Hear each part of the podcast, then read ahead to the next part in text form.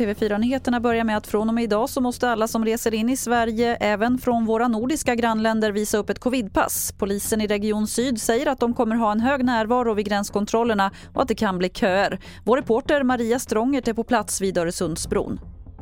Det är mer bemannat från polisens sida här idag som från midnatt behöver då kontrollera att alla inresande som inte är svenskar då har covidbevis. Och gränspolisen säger, uppmanar alla att ha sina dokument i ordning för att det inte ska bli långa köer här. Det är allt fler svårt covidsjuka som behöver intensivvård. Antalet är just nu det högsta på ett halvår enligt siffror från Svenska intensivvårdsregistret.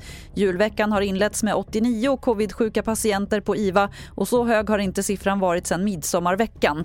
De flesta covidsjuka på IVA är ovaccinerade.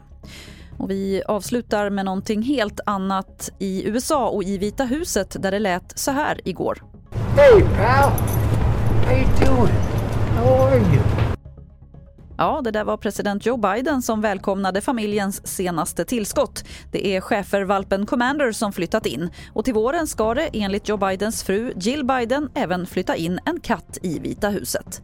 Fler nyheter finns på tv4.se. Jag heter Lotta Wall.